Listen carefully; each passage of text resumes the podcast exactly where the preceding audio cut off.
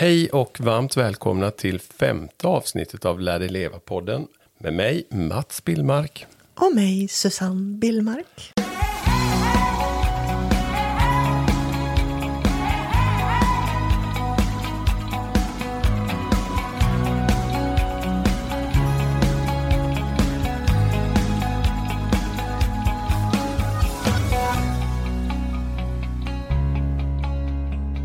Ja, nu är det en månad sedan vi hördes av och eh, ja, vad händer runt dig Susanne? Det vet ju jag eftersom vi bor ihop. Men jag tänker, rolig du. ja, jag tänker att lyssnarna kan få veta vad som har hänt i ditt liv sedan dess. Ja, vad är det som händer? Du säger ju att det händer ju ingenting här uppe på norra Öland. Jag tycker det händer något varenda dag.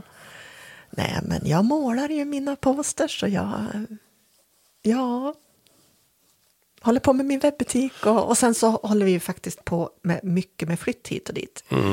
Vi ska ju, håller ju på att sälja vår lägenhet till stan och sen så ska vi ju faktiskt prylbanta med alla grejer vi har här på Öland i vårt stora hus. Det blir spännande att se hur du klarar det. Hur jag klarar det? Du menar att du har inga prylar? Inte mycket. Nej, men så ska vi ju prylbanta lite och eh, försöka få sälja av en del grejer och lämna bort och ge bort och sådär. Så det är mycket kring det. Och sen så har jag varit hos läkaren och jag har eh, fått lite sådär besked om att jag kanske eventuellt har någon släng av eller någon, någon slags typ av fibromyalgi kanske. Det är inte så kul. Så att jag har ju lite ont och sådär. Mm. Jag är ju öm överallt i kroppen. Så um, ja, jag vet inte om man föreslår inte ens en utredning eller någonting. Utan man får bara finna sig i det. Det är inte så mycket man kan göra. Hon trodde att jag hade någonting som ingick i fi- fibromyalgifamiljen som hon uttryckte sig. Men eh, ja, jag är väl rätt så hyfsat glad ändå. Ja, det tycker jag. I alla fall ibland. Hur mår du då Mats? Ja, jag mår väl ganska bra tycker jag. Eh, jag tänkte jag skulle berätta bara lite kort att jag har hittat en fantastisk bok. Jag ska prata om eh, som heter Mind Training av Igor Ardoris och Lars-Erik Unestål. Eh, där man får lära sig grunderna i mental eh, träning. Och den här grunden man jobbar i 12 veckor. Jag jobbar två veckor nu. Eh, Man lyssnar på en ljudfil varje dag som är mellan 12 och 29 minuter. Vissa dagar är de 12 och vissa dagar är de 29. Och eh, man lär kroppen slappna av helt enkelt. Och det har ju så mycket, det blir så tydligt. Eh, första veckorna jobbar vi med spänna, spänna av av alla kroppens muskler. Och det blir så tydligt just det där med, med, med verk. Eh, nästan all, kanske inte ska säga all verk för då kanske jag är ute på djupt vatten. Men eh, mycket av våra, våra problem med spänningsstress, huvudvärk, spänningar och, i kroppen och sådär. eh, Det är ju mycket att vi inte kan slappna av på rätt sätt. Och det får man lära sig i det här programmet och det är jättespännande. Jag tycker redan att det känns mycket bättre efter tre veckor. Vad bra. Ja, Ja visst. Alltså det här med spänningar är ju intressant. Det ställer ju till det verkligen. absolut. Lika likadant där man, för i den här första treveckorsperioden nu så får man träna på Alltså man håller andan och spänner sig och sådär. Det också blir så tydligt att när man är stressad så håller man andan. När man har mycket att göra då kan man komma på sig själv att det, jäklar nu har det gått eh, typ en halv minut eller 25-20 sekunder som jag inte andats. Och vad blir det då? Då blir det ännu mer spänningar och då får man ännu mer ont av att stå eller sitta om man har ett kontorsarbete där man inte är så rörlig. Så det är mycket både andning och eh, avspänning. I, lär, lär kroppen slappna av. Och det är inte bara stress heller. Det är ju faktiskt också med eh, extrem koncentration kan jag känna. Ja, men då håller man väl också andan. Mm, för jag känner när jag sitter och målar eller när jag sitter och skriver så eh, faller jag in i arbetet så. Eh, och ibland kan det vara väldigt pilligt och smått och, och kräver jättestor koncentration. Och då kommer jag på mig med att jag blir helt slut efteråt. Och det måste ju betyda att jag inte har andats rätt. Nej, förmodligen, eller ganska säkert. Så eh, både stress och extrem koncentration gör att man slutar andas på något sätt. Det har väl också något att göra med vår biologiska bakgrund. Att, Säkert. att vi var tvungna att fokusera när det var fara. Och ett, en stresssituation. Absolut.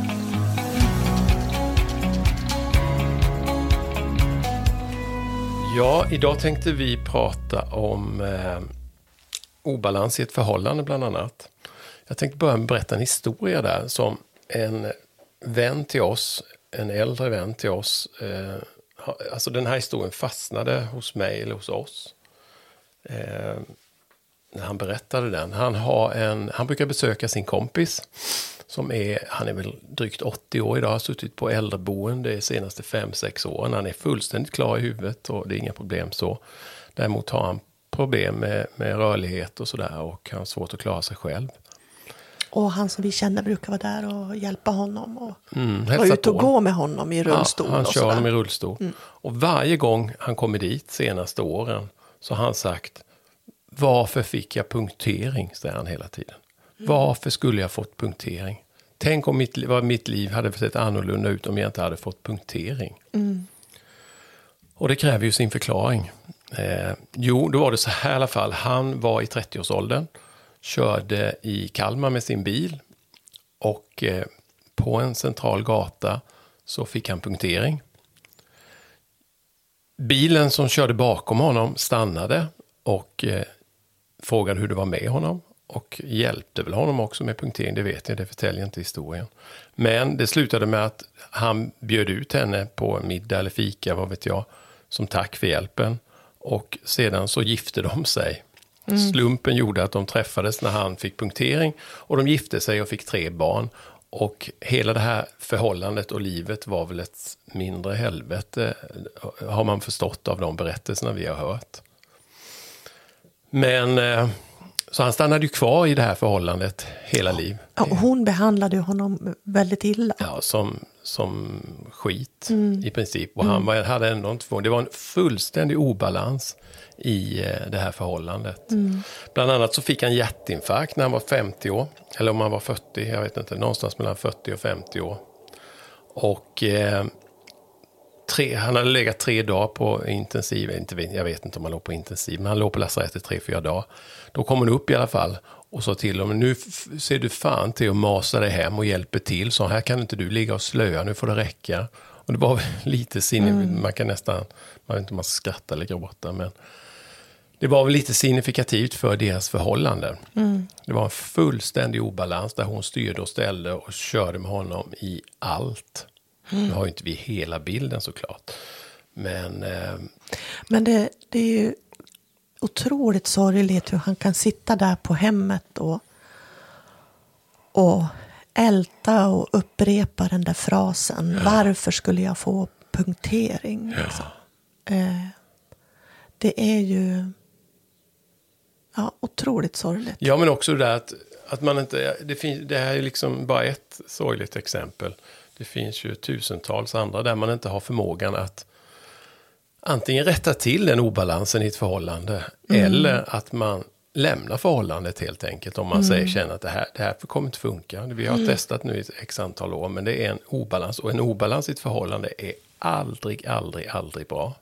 Nej, man skulle tänka så här då. Om man då som lyssnar på det här nu tänker så här. Ja, men vad är signifikt för, ett o, en för obalans i ett förhållande till exempel?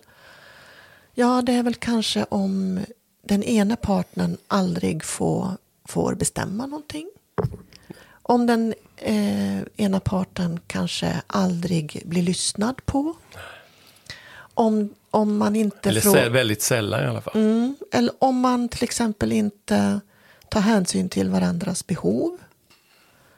Eh, till exempel.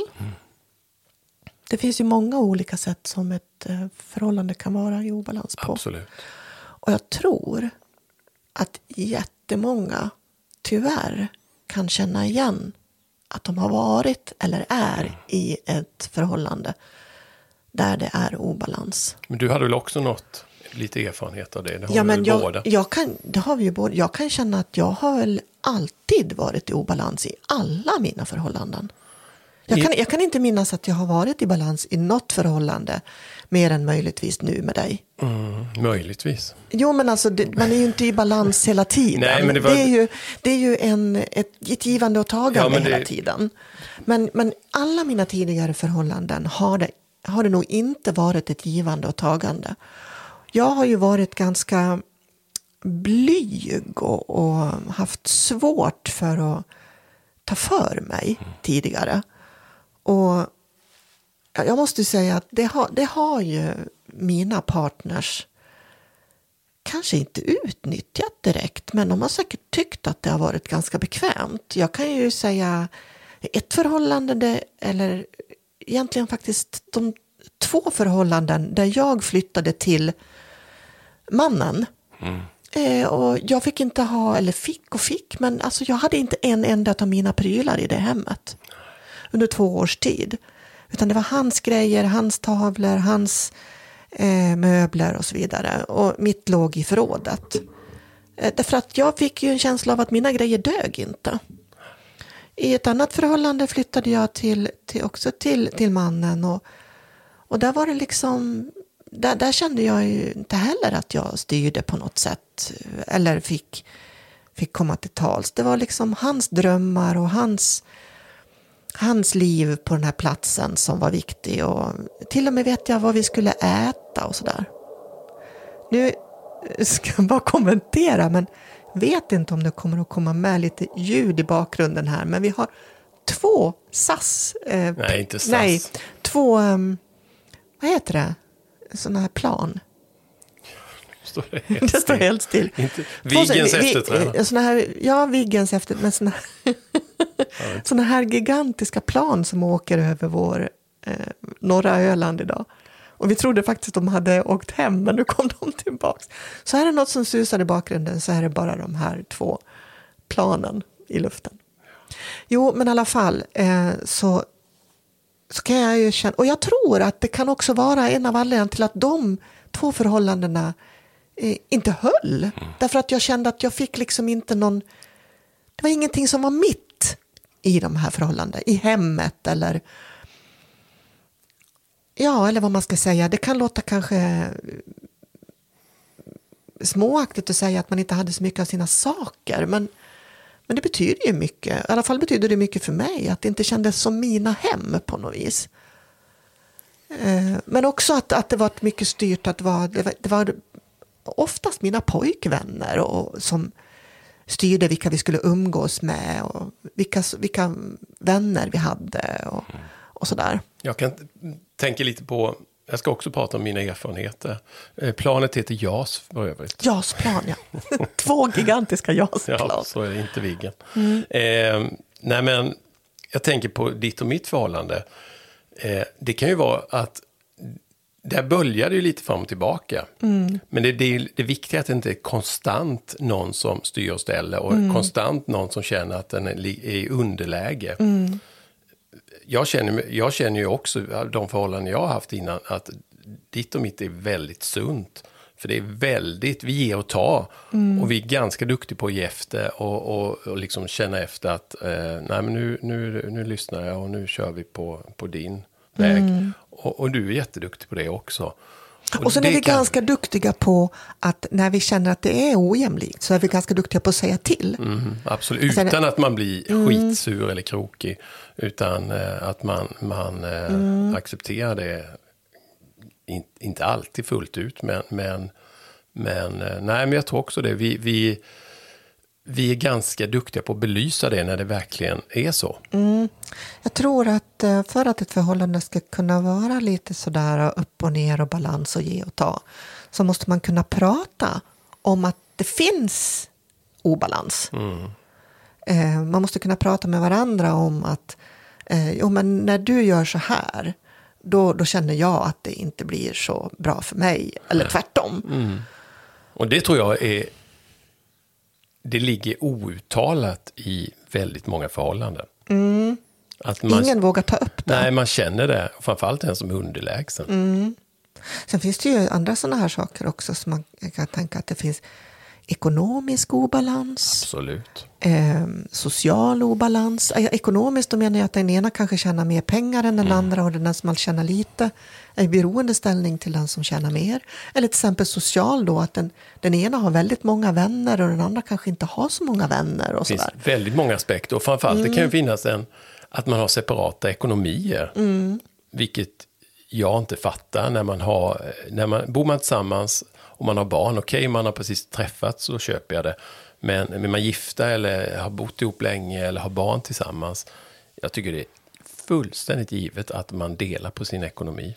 Jo, det tycker vi, men det finns ju faktiskt de som inte tycker Nej, det. men då kan det bli en obalans där, där kanske kvinnan, eller mannen ofta, det ska jag väl inte säga, men, men vem, vem, vem den är, om det är mannen eller kvinnan som tjänar mycket mer än, för ofta är det kvinnan som jobbar kanske 80 procent, för hon har lite mer ansvar för barnen. Eh, och mannen, och då kan det bli en väldig obalans av, av eh, ekonomiska skäl. Mm. Ja, men jag skulle bara prata kort om den erfarenhet. Jag var tillsammans med, eller sambo med en tjej, eller kvinna, tjej var det på den tiden. Men där, där var det ju, jag vet inte, jag försökte analysera det efteråt, men eh, jag var för svag, eller lät henne ha befälet. Och jag kände alltid eh, mig, vad ska jag säga? Eh, jag kände att jag, jag vet inte hur, jag ska säga, hur jag ska säga det på rätt sätt. Men, eh, nej, men hon styrde och ställde och jag lät henne göra det. Då kan man ju säga så här, ja det var väl eh, ditt fel lika mycket som lät henne göra det. Men det blev en väldig obalans i, i det förhållandet. Och, När du var i det förhållandet, kände du det redan då eller har du kommit på det efteråt? nej men jag kände det nog hela tiden. Vad var det som gjorde att du inte vågade säga det? Jag vet inte, jag var ju väldigt ung, eller väldigt, men jag var 25, 26, 27. Jag hade inte alls de erfarenheterna som man har idag. Eh, men nej, vi tog aldrig upp det. Och jag tror det är ganska vanligt, vi tog aldrig upp det. Men jag hade den känslan hela tiden. Eh, att jag var för, om du frågar henne skulle hon säkert säga att jag var för mesig. Eller jag var för svag. Och vek ner mig i princip hela tiden. Eh, Men det hade säkert gått att korrigera om jag hade tagit upp det. Så jag ska inte skylla på henne bara, det var mitt fel jättemycket också. Men jag hade inte det självförtroende den självkänslan som jag har idag. Eh, Så jag lät det ske och det, det var absolut inte bra för det förhållandet. Mm. Ja, vi tänkte ju också prata om, eh, det kan ju också vara en, ett, det måste ju inte vara ett parförhållande det här med en obalans, det kan ju även vara i ett kompisförhållande. Absolut. Att man tänker att eh, en kompis, att den obalansen kan ju bero på så himla mycket. Att den ena kompisen vill mer än den andra. Hör av sig oftare än den andra. Eh, man kanske gör mer saker på den enas villkor än den andra. Vi får också väldigt, vi, så många, många har inte vi pratat med i samband med föreläsningar och fått mejl och allt möjligt. Just det där att man har vänner eller sin bästa vän, om det nu verkligen är den bästa vännen, där, som bara pratar om sig själv. Man är bara intresserad av sig själv, sitt eget liv och eh, allt som händer runt, runt sig själv. Och det vill man prata om. Man är inte beredd att reflektera och lyssna på vad, vad kompisen eller goda vännen eh, har att komma med. Utan man är, det är bara en själv som är i fokus. Och det är också en överlevnadsinstinkt. För att vi, vi måste liksom, man måste hela tiden, han pratade om det för mig i det här, vad heter det, Järn, vad heter han, Anders Hansen. Just det där att man måste vara mån om sig själv för att klara sig liksom. Och då ska det bara cirkulera runt ens eget liv och ens eget eh, ja, förhållande till vad man gör och, och, och allt, alla man har kring sig. Man är jättedåligt på att ta in andra.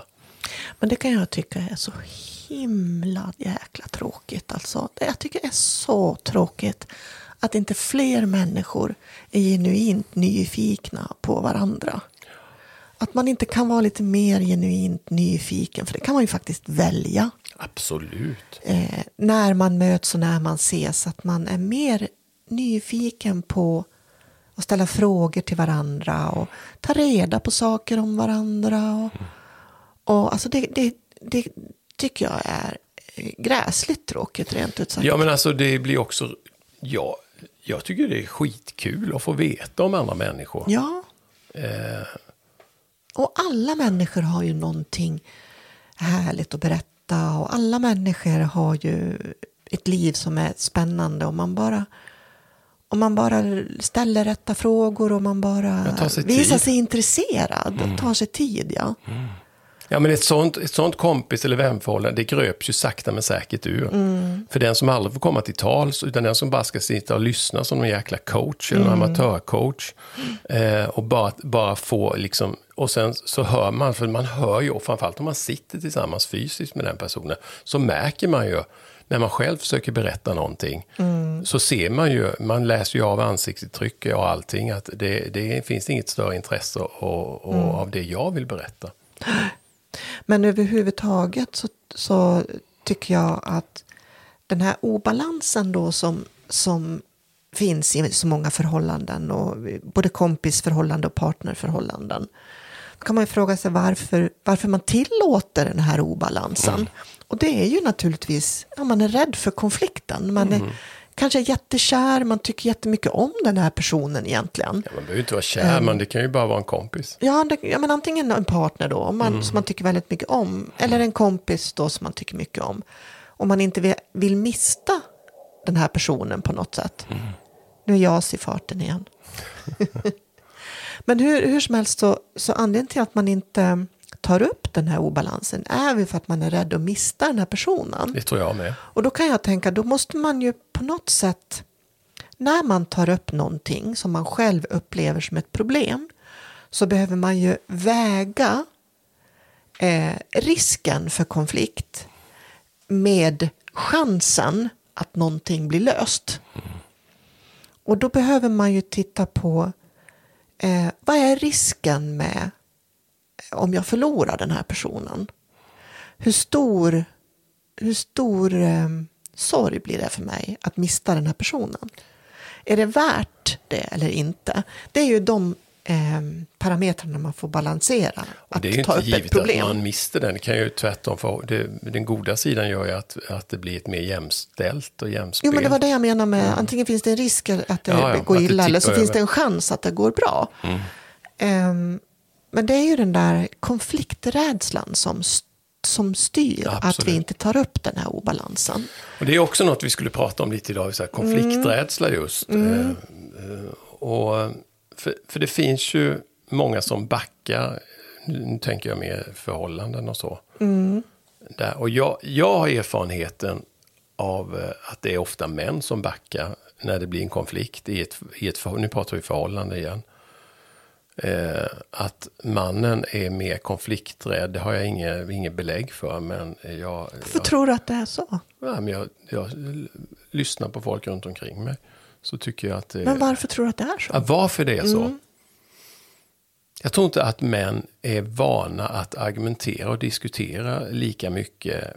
Inte vad det gäller känslor och eh, eh, jag tror att kvinnor har det mer alltså naturligt eller har tränat på det. För man, kvinnor är mer öppna emot sina väninnor och eh, män har inte det snacket eh, och behärskar inte det snacket lika mycket som, som kvinnor. Alltså generellt sett. Jag vet inte om kvinnor är så mycket mer öppna mot andra kvinnor. Men vi pratar kanske mer med varandra i alla fall. Jag pratar på ett annat Prata sätt på, alltså. ja, på ett annat sätt. Mm, Det här, det här är ju hot stuff. Det är ju brännämne det här. Ja, men alltså lämnar man, om, om, om man låter en konflikt bara rinna ut i sanden, att man, man lämnar en konflikt och säger jag orkar inte tjafsa, nu, nu är jag trött, jag, jag, jag fixar inte det här, nu, nu, drar jag, jag orkar inte hålla på och tjafsa med dig. Eh, om man hela tiden, då blir det outredda konflikter. Och det, det är ju inte bra på sikt.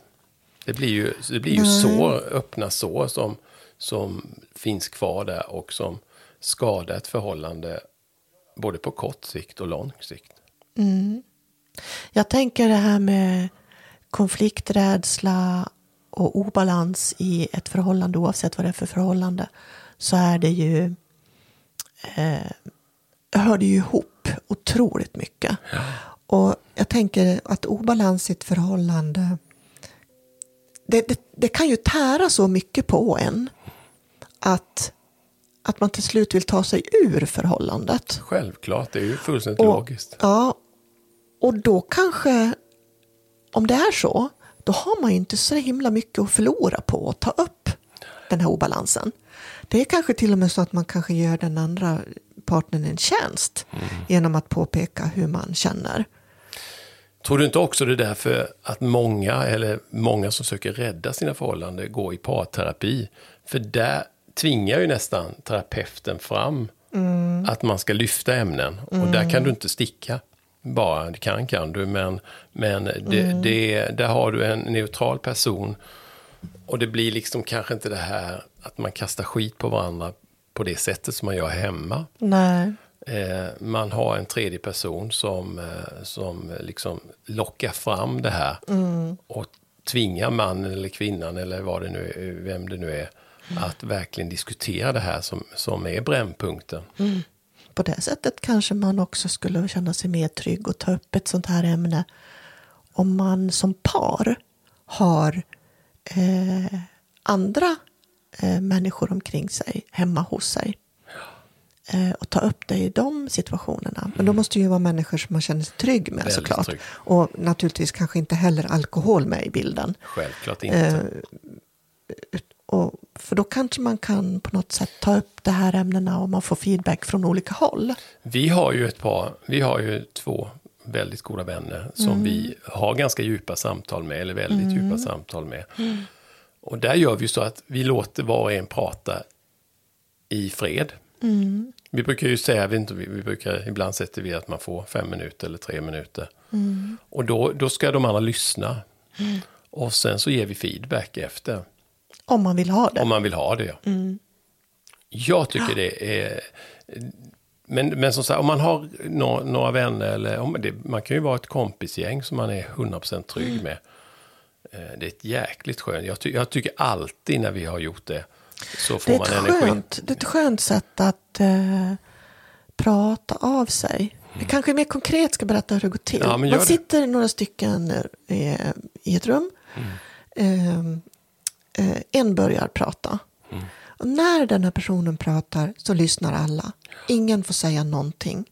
Alla är fokuserade på den personen som pratar med ögonkontakt och kanske nickningar. Och, och, men man visar att man är med och att man är eh, fokuserad på den person som pratar.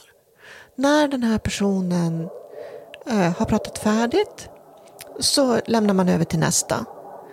Och sen när alla har pratat, då kan man fråga, är det någon som vill ha feedback? Eller så gör man det efter varje som har pratat. Det beror lite på hur många man är kanske. Ja, men det är väldigt, jag, jag upplever det som... vä- Och det är väldigt bra. Och då kan man ju fråga sig, vad ska man prata om? När vi träffas, just nu i coronatider så träffas vi otroligt sällan. Och ibland så av vissa olika anledningar så har det gått ganska lång tid. Då kan det bara vara skönt att berätta, hur är nuläget? Hur känns det just nu? Hur känner jag mig just nu? Ibland kanske vi pratar om eh, vad vi har gjort sen sist. Och så berättar man hur, vad man har gjort sen sist. Och kanske lite hur man känner det sig. Eller man kan ju välja vilket tema man vill. Eller prata om precis vad man vill. Det kan ju vara helt öppet också. Men det kan vara bra att ha någonting som man håller sig fast vid. Att det här skulle jag, ska vi nämna liksom. Ja, men det är ett väldigt skönt sätt. Och ett jätteskönt sätt vet, att få, första få gången prata vi i gjorde- fred. Första gången vi gjorde det, så, så du hade väl gjort det på lite kurser och sådär tror jag, men jag Mm. hade aldrig gjort det. Jag tyckte att det var lite jobbigt och lite obekvämt, eh, Mm. framförallt innan vi kom igång. Eh, tyckte jag. Men sen tyckte alltså när vi väl hade gjort det någon gång så vet jag att jag bara tyckte att det var otroligt skönt. Det största problemet brukar väl vara för alla som sitter och lyssnar. Mm. För vi är så otroligt vana vid att vi hela tiden ska ge verbal feedback. Och hjälpa Mitt till i. kanske. Man kanske vill, Exakt. om någon pratar om ett problem så vill man liksom avbryta och komma. Ja, men så här kan du göra, eller du kan ringa dit, eller du kan fixa det. Ja, eller om det blir en liten tystnad. Då vill man kanske säga någonting för att det är en liten tystnad. Men bara låt det vara tystnad och låt den andra tänka innan den börjar prata igen. Ehm, för jag vet, när jag har varit på ställen och vi har försökt göra det här, där många inte varit så vana vid det, så är det svårt att vara tyst och bara låta en person prata och, och man själv bara lyssnar. Så det, det är ett bra tips på hur man kan göra. Det här eh, gjorde vi lite grann med vår dotter när hon var mindre. när vi samlades vid, vid middagen, Mm. då kunde vi liksom var och en prata om Vi sa- vad vi hade gjort under dagen. Ja, eller eller något, man tog upp någonting som var bra under dagen Mm. för att lyfta det positiva. Så det här är en jättefin grej att göra om man har barn, man är en familj, att börja tidigt med barnen. Hon var ju med på det, alltså när hon var, jag tror vi började när hon var fem år eller något sånt där. Mm. Eh, Men sen när hon började komma upp, alltså vi gjorde ju inte varje dag, jag tror vi, ibland var det så att vi gjorde det på fredag eller något sånt där. Mm. Men sen när hon började bli tonåring, då tyckte hon, åh gud vad jobbigt liksom. Så att, Ja, ibland tyckte hon ja, att då det var tyckte det var jobbigt. Mm. skitjobbigt och då slapp hon. Men eh, det är ett kul sätt att börja med när man har kanske lite mindre barn som är lite mer eh, anpassningsbara. Har vi pratat om hur man löser sin konflikträdsla? Det kan du berätta nu. Ja, men har vi det? Nej, jag tror inte det. Eh, nej, men det är väl lite grann det här med att väga för och nackdelar med att ta upp ett problem. Vad har jag att vinna på att ta upp problemet? Eh, vad har jag att förlora? Eh, och så väga det mot varandra. Det är väl lite så. Eh, om ett annat är ju att kanske ta hjälp. Så att man får en tredje part som kan finnas med som ett stöd. Eh, ja, det var väl i alla fall två. Jag kan inte komma på Nej, mer så här på raken. Ni får gärna mejla till oss om Mm. ni har några förslag på om ni har några egna erfarenheter. Eller. Mm. Det, vi tycker bara är kul med mejl och vår mejladress är info at, säger jag rätt nu? Info at lardejleva.nu Mm. Info snabela lardejleva.nu Och nästa gång när vi kommer tillbaka så är det april. mm. Det är det. Då ska du berätta, får vi faktiskt en gäst. Mm, då, får vi, eh, då ska vi eh, ha en liten gäst med oss med eh, mycket erfarenheter av väldigt svåra saker kan man säga. Svåra upplevelser, svåra problem. Jag vet inte hur mycket vi ska avslöja men Silla är ju en, har tyvärr råkat ut för Tuffa My-. Mycket tuffa saker som vi ska prata om då. Eh, Jag ja, tror det kan bli ett väldigt fint det samtal. kan bli ett väldigt fint samtal. Men det kommer någon gång där i början på april. Ja. ja, då tackar vi för idag. Och eh, önskar alla en trevlig fortsättning på den här ljuvliga mars. Och vi får väl önska en trevlig påsk. Ja, det får vi göra. Vi kommer tillbaka efter påsk. Ja, Ha det fint. ha det gott allihopa. Tack för att ni lyssnar. Hej då. Hej då.